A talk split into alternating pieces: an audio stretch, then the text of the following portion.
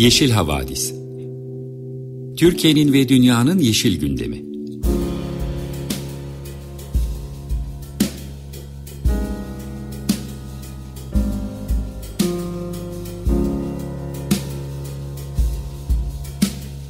Hazırlayan ve sunanlar Selin Uğurtaş ve Arca Yılmaz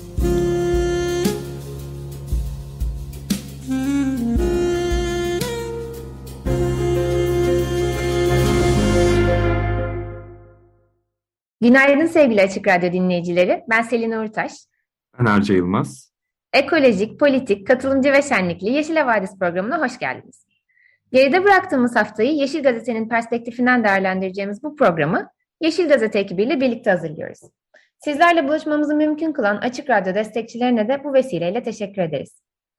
Bu hafta programımızın iklim bülteninde okyanuslardaki ve kutuplardaki ısınmanın etkilerinden, Türkiye'de kuraklık nedeniyle zor günler geçiren tarım sektöründen ve emisyon hedeflerine ulaşabilmek için atılması gereken adımlardan söz edeceğiz. Ardından sevgili Arca Ekoloji Bülteni'nde ormanlık alanların statülerinin değiştirilmesinden ve TÜİK'in açıkladığı çöp istatistiklerinden bahsedecek. İlaveten Edirne ve Rize'den gelen iptal kararlarına ve Hatay'daki maden mücadelesine değinecek. Bu haftaki konuğumuz Buğday Derneği Yönetim Kurulu Başkanı Leyla Aslan. Leyla Hanım'la pestisitlerin zararlarından, bazı zehirlerin yasaklanmalarına rağmen nasıl olup da kullanılmaya devam edildiğinden ve zehirsiz tarıma geçişte çiftçilerin desteklenmesinin öneminden konuşacağız. Son olarak yeni gürültü yönetmeliğinden ve hak taleplerinden bahsederek Yeşil Havadis'i sonlandıracağız. Bu güzel sabaha tanıdık bir şarkının keyifli bir yorumuyla başlayalım istiyorum. Bu bunaltıcı atmosferde bana mutluluk veriyor. Dilerim sizin için de yeni güne güzel bir başlangıç olur. Kate Meloa'dan Wonderful Life'ı dinliyoruz. Tekrar merhaba. 95.0 Açık Radyo'dasınız. Ben Selin. Yeşil Havadisi iklim bülteniyle başlıyoruz. Dünya Ekonomik Forumu 2022 yılı küresel riskler raporunu açıkladı. Rapora göre en önemli uzun vadeli riskler iklim riskleri. Kısa vadeli risklerde ise toplumsal bölünmeler, geçim ve sağlık sorunları öne çıkmış durumda. Bu kaygılar tabii ki oldukça yerinde. Ee, özellikle iklim krizi konusunda bilimsel gelişmeleri takip eden herkesin hemfikir olduğunu tahmin ediyorum. Sıradaki haberde böyle bir bilimsel araştırmanın sonucu. Buna göre geçtiğimiz yıl tarihteki en yüksek okyanus sıcaklıkları kaydedildi. Böylelikle üst üste 6. yıl sıcaklık rekoru kırılmış oldu. Bu rekorun suları soğutma özelliği olan La Niña yılı olmasına rağmen gerçekleştiğine makalede özellikle dikkat çekilmiş. Bu araştırmayla ilgili Guardian'da bir yazı çıktı John Abraham imzalı. Çok vahim bir alt başlığı vardı. Ona da değinmeden geçmek istemedim. Burada okyanuslarımızın bu sene emdiği ısı 365 günün 24 saati boyunca her saniye 7 tane atom bombasının patlatılmasına eşdeğer denmiş. Bu ısınma neden önemli derseniz, insan odaklı bakacak olursak daha sıcak okyanus suları daha fazla fırtına, kasırga ve aşırı yağış anlamına geliyor. Aynı zamanda kutuplardaki buzulların erimelerine ve dolayısıyla deniz seviyelerinin yükselmesine neden oluyorlar. Ama daha bütüncül yaklaşırsak şöyle anlatabiliriz durumu. Okyanuslar karbondioksit için çok büyük bir yutak. Ancak bu karbondioksit denizlerde çözünüp karbonik asite dönüşüyor ve okyanusun asitlenmesine yol açıyor. Bu asitlenme ise buradaki balıklara, mercan resiflerine ve özellikle kabuklu canlılara büyük zarar veriyor.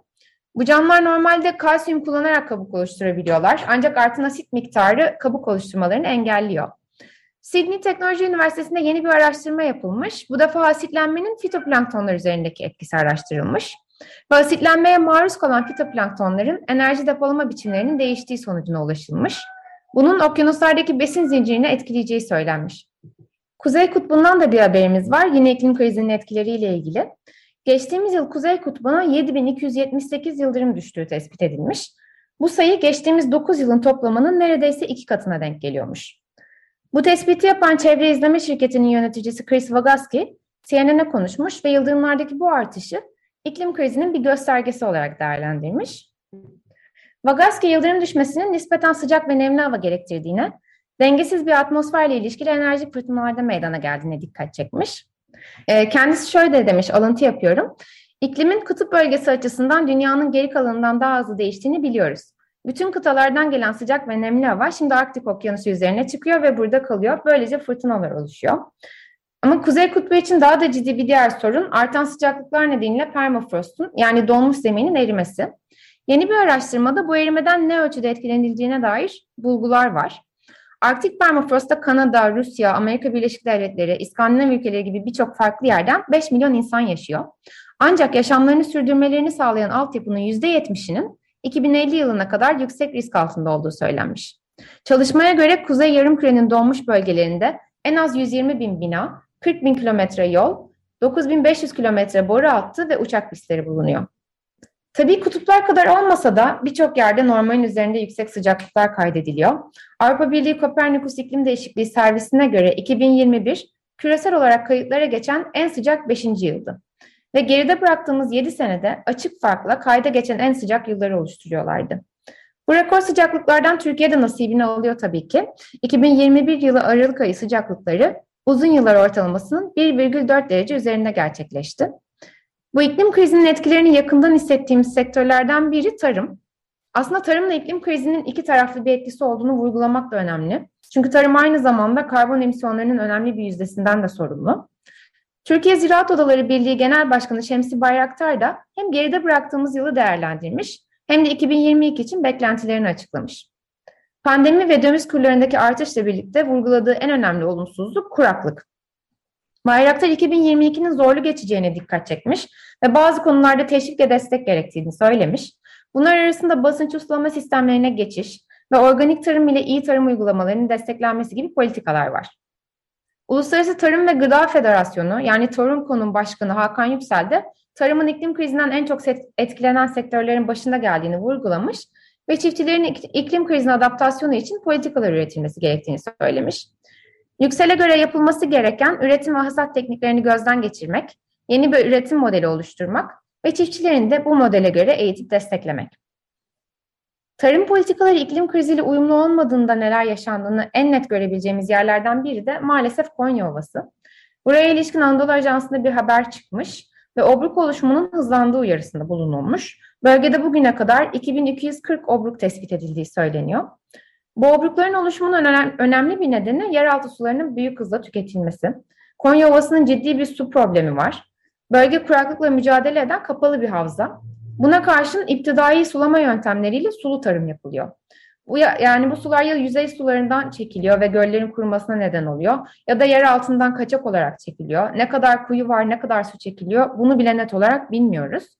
Konya Teknik Üniversitesi Obruk Araştırma ve Uygulama Merkezi Müdürü Profesör Doktor Fethullah Arık, geçmişte 20 yılda bir obruk oluştuğunu, ancak şimdi bu sayının bir yılda 30-40'a çıktığını söylemiş. Şu aşamada alabileceğimiz en önemli önlem yeraltı suyunun kontrollü kullanılması diyor. Tabii bir yandan adaptasyon için politikalar belirlenmesi gerekiyor. Bir yandan da Türkiye'nin kendi emisyon hedeflerini tutturmak için çalışması gerekiyor. Ankara 2053 için net sıfır emisyon hedefi açıklamıştı. Buna nasıl ulaşılacağı konusunda birçok paydaşın ve 500'den fazla konuşmacının katkı sunduğu iklim şurası gelecek ay bir sonuç belgesi açıklayacak. Bunlarla ilgili Yeşil Gazete'de de güzel bir haber yayınlanmış.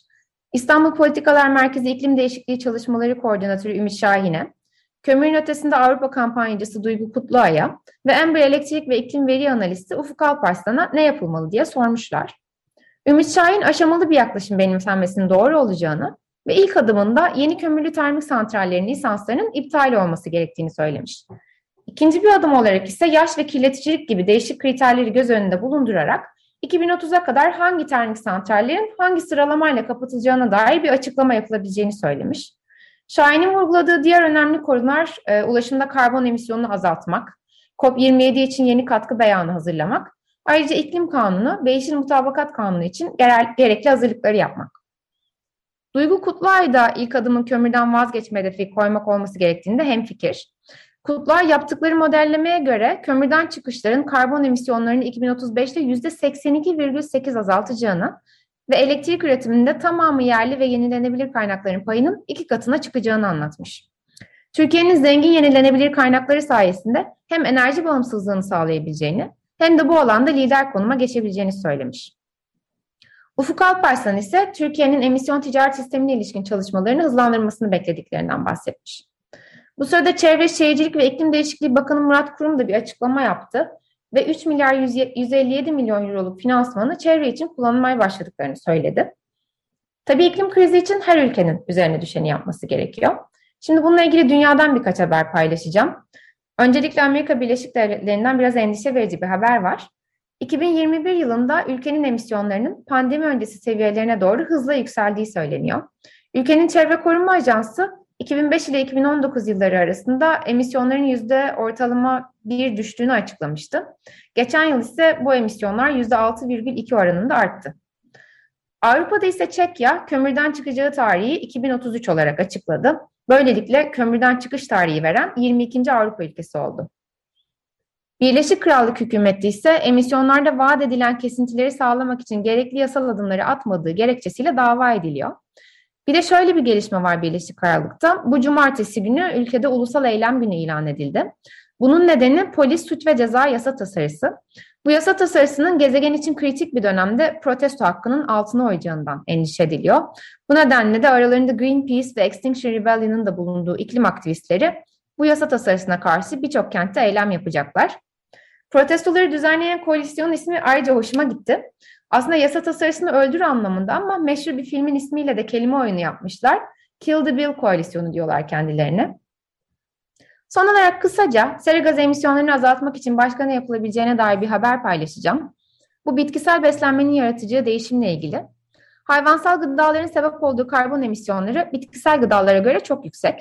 Haberde 10 ila 50 kat fark edebildiği söylenmiş. Ve tabii bu hayvansal gıdalar daha çok yüksek gelirli ülkelerde tüketiliyorlar. Nature Food'da yayınlanan bir araştırmaya göre eğer yüksek gelirli 54 ülke bitkisel gıda odaklı beslenmeye başlarsa tarımsal emisyonların 3'te 2 oranında azalması mümkün.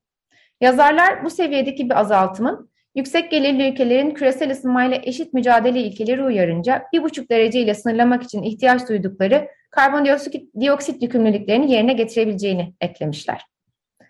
E, son olarak güzel bir dinleme önerisiyle iklim bültenimizi kapatalım. Bu hafta 1.5 podcast'te çok ilginç bir konu işlemişler. Soru şu. Türkiye'de yenilenebilir enerjiye geçiş süreci büyük ve borçlu şirketlere ipotek mi edildi? Gezegen editörü Özgün Özçer bu konuyu gazeteci Bahadır Özgür ile 5 soruda masaya yatırmış. Buradan tavsiye etmiş olalım. Böylelikle iklim bültenimizin sonuna geliyoruz. Ekoloji haberleri için sözü Arca'ya bırakacağım ama öncesinde güzel bir müzik arası verelim. Jane Birkin'den Harvest Moon'u dinliyoruz. Merhaba sevgili Açık Radyo dinleyicileri. Yeşil Havadis programına haftanın ekoloji gündemiyle devam ediyoruz. Ben Arca Yılmaz. İlk olarak ormanlara dair bir haberimiz var. Daha önce Cumhurbaşkanı kararıyla bazı bölgelerde orman alanlarının orman vasfından çıkarıldığını öğrenmiştik. Buna dört ilde yeni alanlar da eklendi şimdi. Resmi gazetede bu hafta yayınlanan yeni Cumhurbaşkanı kararıyla Mersin ve Ankara'da yaklaşık 375 bin metrekare orman alanı da, orman alanı daha orman sınırı dışına çıkarıldı. Ee, resmi yazıda gerekçe olarak alanların bilim ve fen bakımından orman olarak muhafaza edilmesinde hiçbir yarar görünmeyen ve tarım alanına dönüştürülmesi de mümkün olmayan yerler olması gösteriliyor. Yani enteresan neye göre bilim ve e, fen bakımından tespit edilmesi bunun biraz garip geliyor bana. E, ya da ilgili kararnameye göre alan üzerinde 28 Nisan 2018 tarihinden önce yerleşim yeri varsa orman vasfından çıkarılabiliyor. Konuyla ilgili Yeşil Gazete'ye konuşan İstanbul Üniversitesi Orman Fakültesi öğretim üyesi doçent doktor Cihan Erdönmez bu şekilde devam ederse on binlerce hektar orman alanın orman sınırları dışına çıkarılacağını düşünüyorum dedi. Cihan Erdönmez benzer bir örneğin daha önce de yaşandığını aktarıyor bize. Bir defada en fazla ormanlık alanın e, orman vasfından çıkarılması İzmir Bayraklı'da yapılmış. 365 hektarlık ormanlık alan bir seferde orman dışarına çıkarılmış burada. E, bu alanı orman mühendisleri incelemiş Erdönmez'in aktardığına göre ve bu alan taşlık, kayalık değil bildiğimiz ormandı diye aktarıyor bize. Evet, şimdi başka bir konuya geçelim buradan. Çöp konusu Türkiye'nin ve Avrupa'nın gündeminden düşmüyor. Almanya'nın yeni çevre bakanı Yeşiller Partisi'nden Steffi Lemke e, plastik atıkların başka ülkelere gönderilmesini yasaklayacak kapsamlı bir düzenleme hedeflediklerini duyurdu. E, bakan Avrupa çapında plastik çöpün ihracatının yasaklanması için de çalışılacağını belirterek yasa dışı çöp ihracatının son bulmasının en iyi yolunun AB için iç pazara ilişkin düzenlemeler olduğunu söylemiş. Ancak o şekilde çöplerin başka ülkelere gönderilmesinin önüne geçilebileceğini ifade etti. E, tabii Avrupa çöplerinin ciddi bir oranı Türkiye'ye geliyordu. Yakın zamanda Türkiye'ye kalan Türkiye'de kalan çöplerin bir kısmı Vietnam'a gönderilmişti hatta. E, hala da Türkiye'de bekleyen atıklar var. CHP milletvekili Murat Bakan da bunların akıbetini tekrar sormuş. Neredeyse bir yıldır limanlarımızda bekleyen çöpleri Almanya geri alacak ama çöplerin bir kısmı üçüncü ülkelere gönderilmek üzere başka limanlarda. Türkiye 141 konteyner çöpten nasıl kurtulacak? Bu sorunun yanıtını tüm detaylarıyla Türk yetkili makamlarından istiyoruz diye sormuş. Çöpü konuşmuşken konuyla alakalı TÜİK'in yeni açıkladığı 2020 yılı atık istatistiklerine de bir göz atalım. Yeşil Gazete'den Eylem Yılmaz konuyu doçent doktor Sedat Gündoğdu ile konuştu. Ee, Gündoğdu verilerin Türkiye'nin çok ciddi bir atık üretimi ve atık yönetimi sorunu olduğunun vurgusunu yaptı. Ee, bunu gösteriyor bize veriler.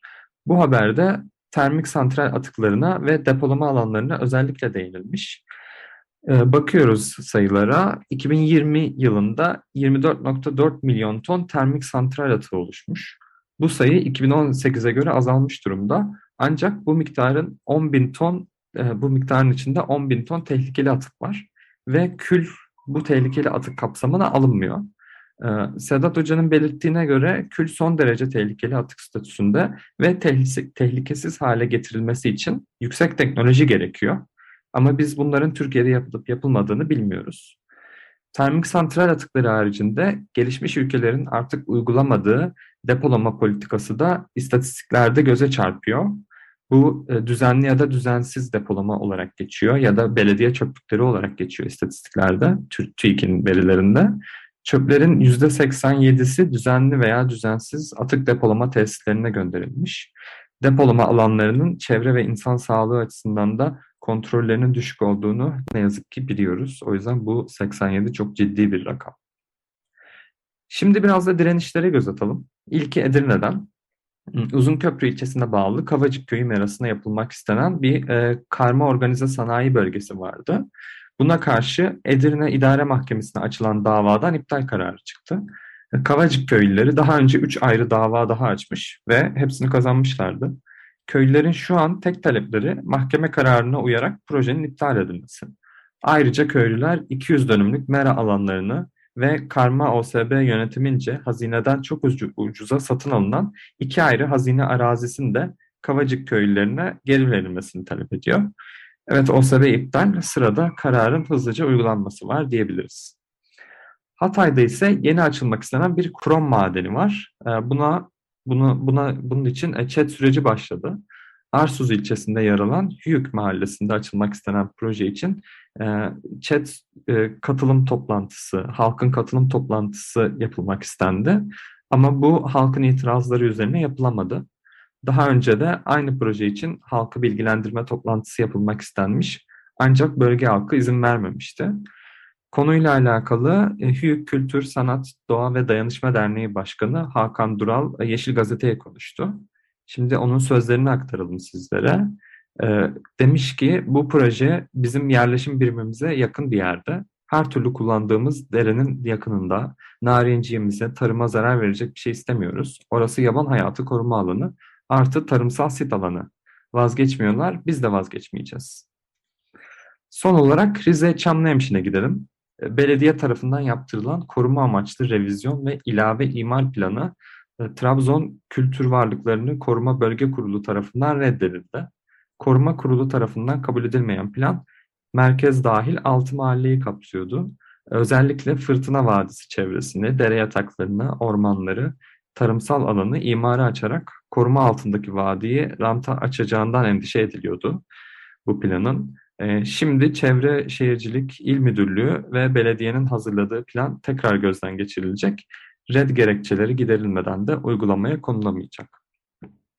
Evet, Ekoloji Bülteni'nin sonuna geldik. Şimdi bir şarkı arası verelim. Ee, Nana Muscori'den Que je sois un ange dinleyeceğiz. Ardından Selin, Buğday Derneği'nden Leyla Aslan ile pestisitler üzerine bir söyleyiş yaptı. Ona kulak vereceğiz. Tekrar merhaba. 95.0 Açık Radyo'da Yeşil Vadisi dinliyorsunuz. Ben Selin.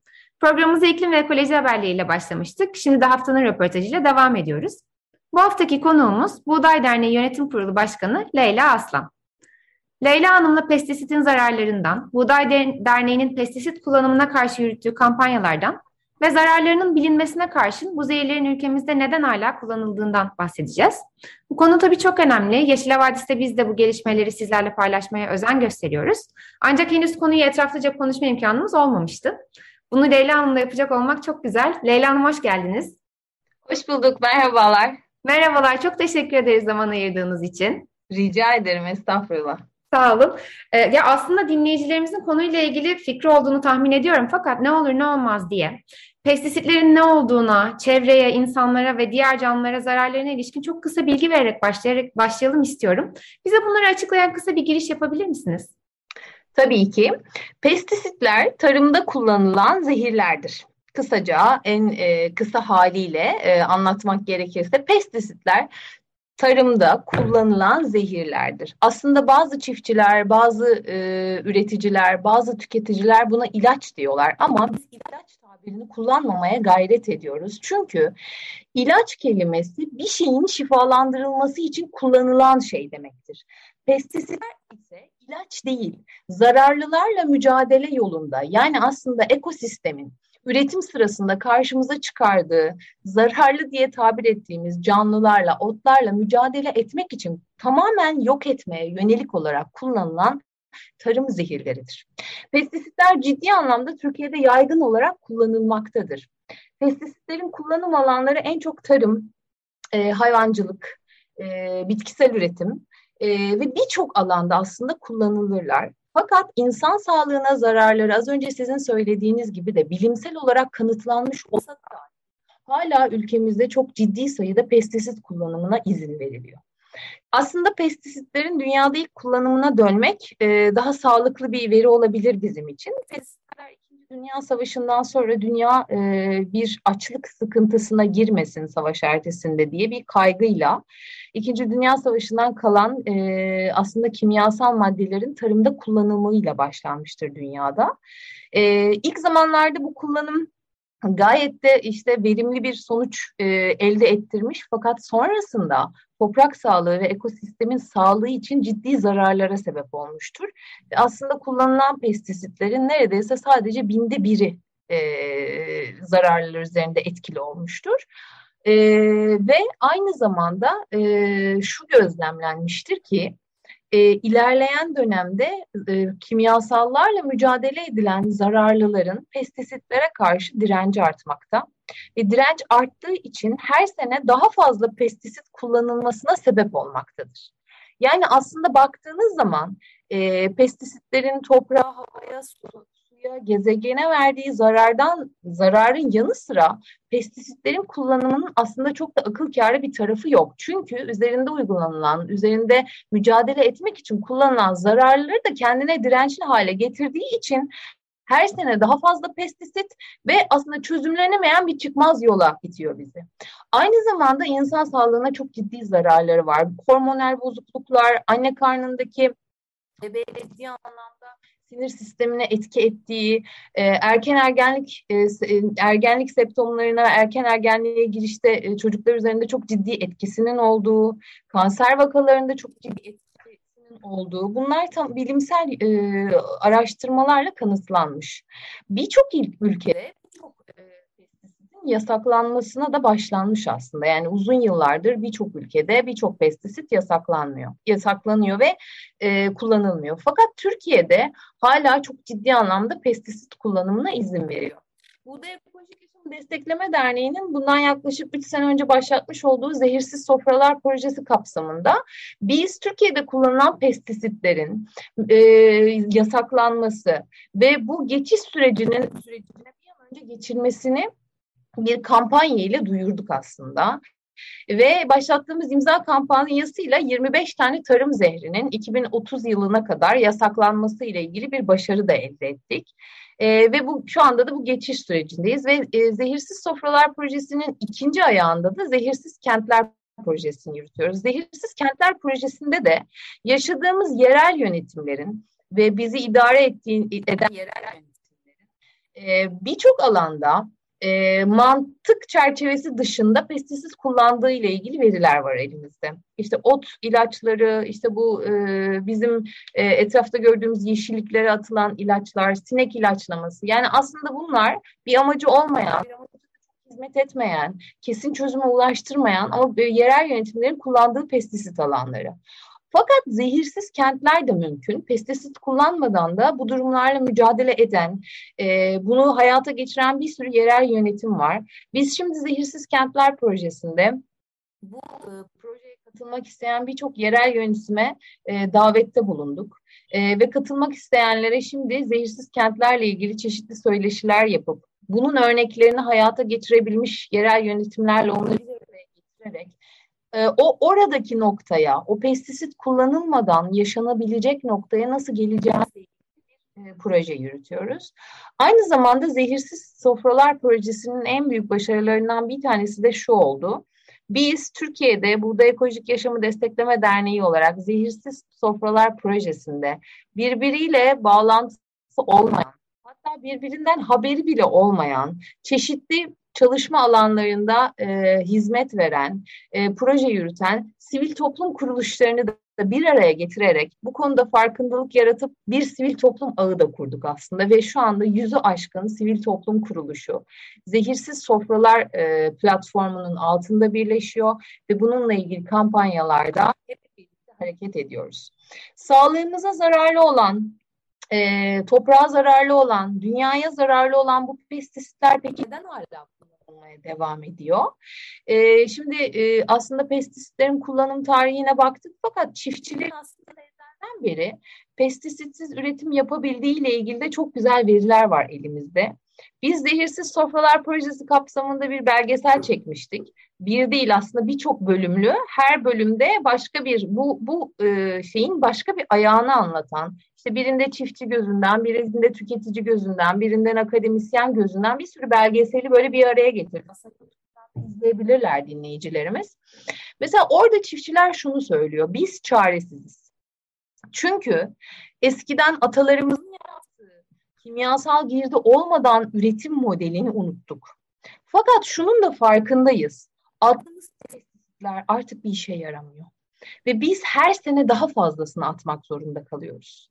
Her sene daha fazlasını atıyoruz fakat bunun hiçbir işe yaramadığının farkındayız. Ama ne yapacağımızla ilgili en ufak bir fikrimiz de yok. İşte burada da karar alma mekanizmalarının e, bir şekilde devreye girip çiftçiye bu geçiş sürecinde destek olması gerekiyor. Şimdi biz şunu söylüyor muyuz? Bir anda herkes pestisiti bırakabilir ve pestisitsiz tarıma geçebiliriz söyleyebiliyor muyuz? Her dönüşüm, her değişim bir sürece tabi. Yani bir anda bütün pestisitlerin ortadan kalkması, e, çiftçinin buna uyum sağlaması, toprağın buna uyum sağlaması mümkün değildir. Fakat bu doğrultuda, bu yolda artık bir şekilde dönüşüme doğru ilerlemek gerekiyor.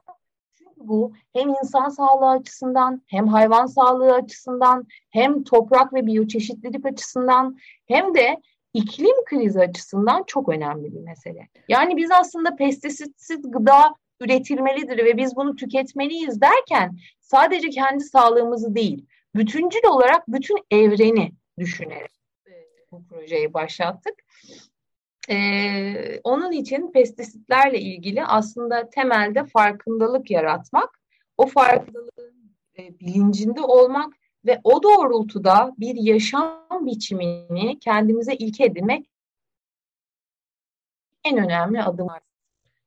Çok teşekkürler Leyla Hanım. Çok kıymetli e, çalışmalardan bahsettiniz gerçekten. Ben e, anlattıklarınızdan aklıma takılan bir iki şeyi sormak istiyorum. Birincisi bu, e, bu hafta basına yansıyan bir haber oldu. İşte şey, Avrupa Birliği'nin e, zararlı olduğu gerekçesiyle yasakladığı pestisitlerin kullanım süresinin sürelerinin Türkiye'de bakanlık tarafından ikinci defa uzatıldığı ve bakanlığın burada gerekçe olarak bu pestisitlerin herhangi bir alternatifin bulunmadığını iddia ettiğine dair haberler çıktı. Ee, burada şeyi merak ediyorum. Sizin anlattığınız şey çok kıymetli aslında. Sivil toplum olarak bir sürü inisiyatife öncülük ediyorsunuz. Ama tabii çiftçiler yalnız hissediyor. Bunu anladığım kadarıyla devlet eliyle bir şekilde desteklenmesi gerekiyor. Peki devlet tarafında bir inkar mı var? Yani pestisitsiz tarım yapılamaz duruşunda bir ısrar mı söz konusu? Ee, bir bunu merak ettim. Aslında böyle bir inkar yok. Fakat bir şeye hayır diyorsanız alternatifinizin olması gerekiyor. Koşulsuz şartsız hayır dediğinizde yerine bir şey koyamıyorsanız eğer orada bir çözümsüzlük meydana geliyor.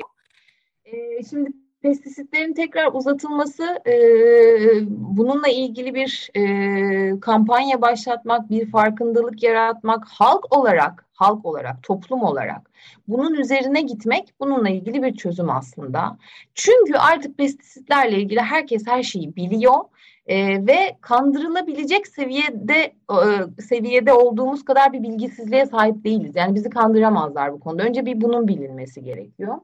Fakat tabii şöyle de bir şey var. Bu konuda hep birlikte hareket etmek, çiftçiyi, üreticiyi, tüketiciyi, devleti tek bir e, yoldan ilerletmek çok daha sağlıklı bir çözüm olacaktır. Şu anda Türkiye'de yasaklanmış ve e, tekrar süreç için e, yasaklanma süresinin uzatılmasından ziyade aslında daha önemli bir konu var ki Türkiye'de yasaklanan fakat yasaklandığı halde hala kullanılan bir sürü pestisit var. Yani bu sebepten şimdi ben size şunu söylersem doğruyu söylemiş olmam. Evet uzatıldı çünkü devlet çaresiz işte e, birileri yalan. Bu, bu değil mesele. Mesele burada olaya bütünsel bakmak. Yani bu pestisitler yasaklandı. Yerine bir alternatif konuldu mu? Çiftçiye bununla ilgili bir eğitim verildi mi? Çiftçiye bir destek sağlanacak mı?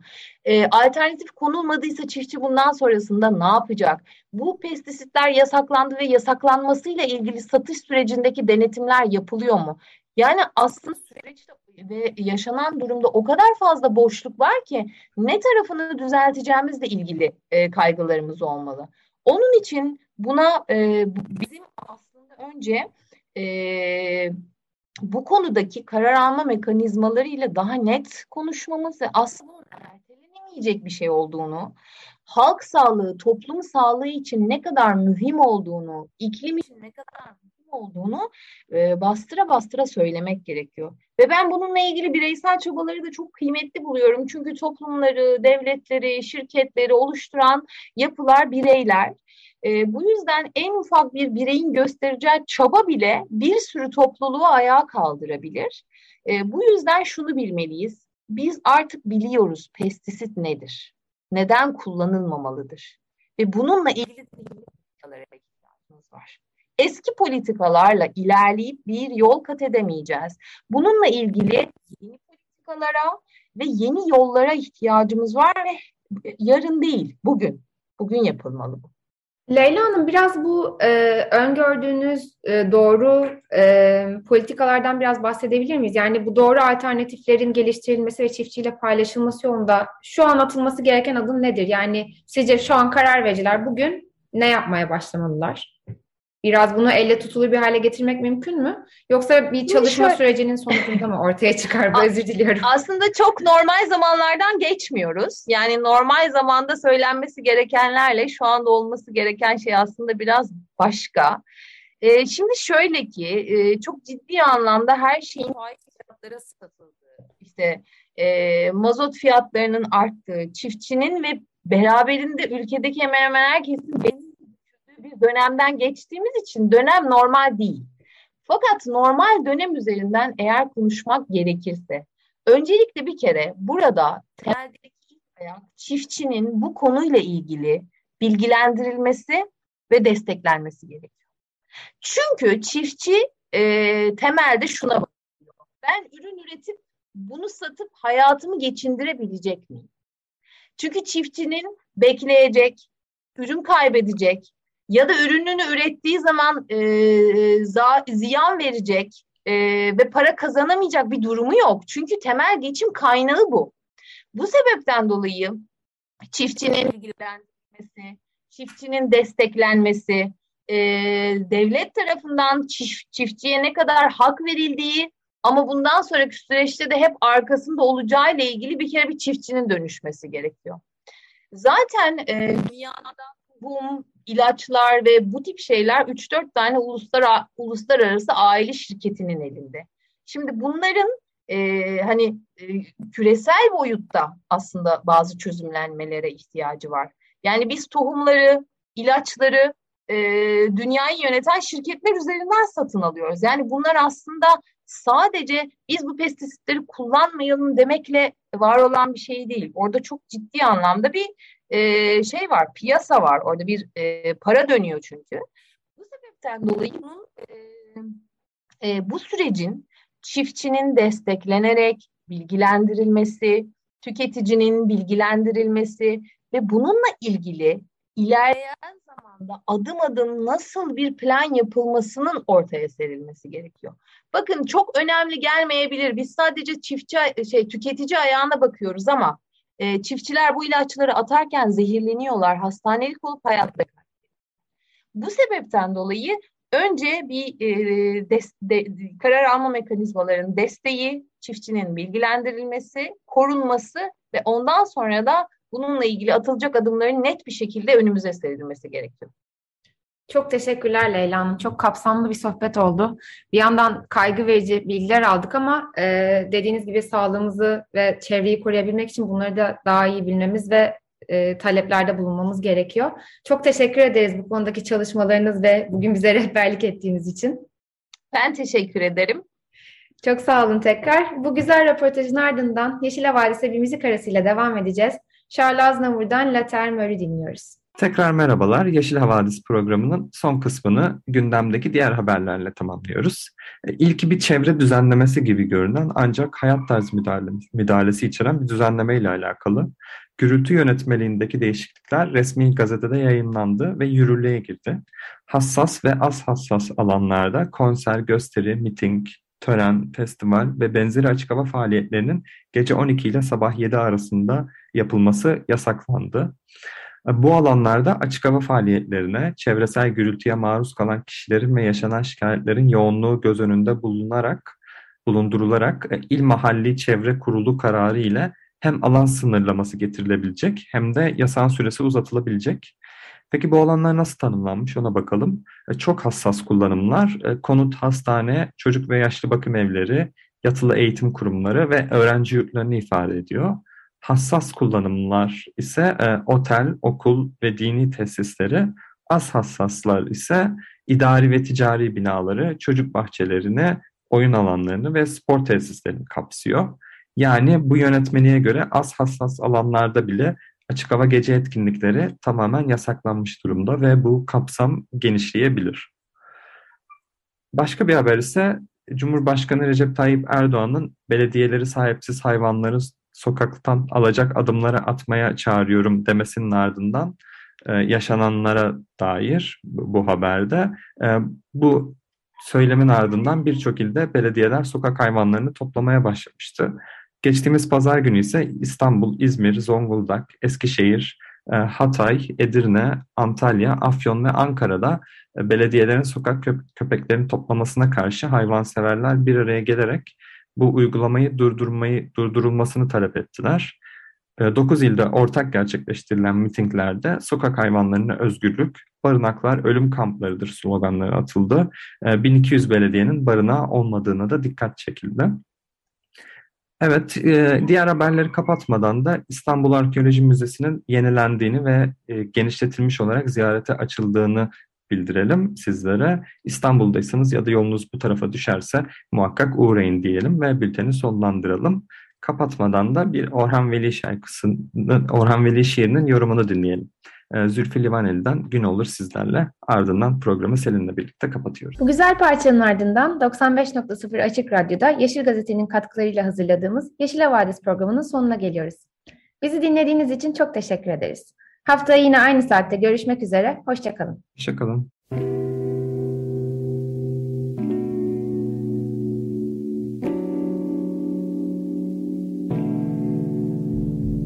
Yeşil Havadis Türkiye'nin ve dünyanın yeşil gündemi.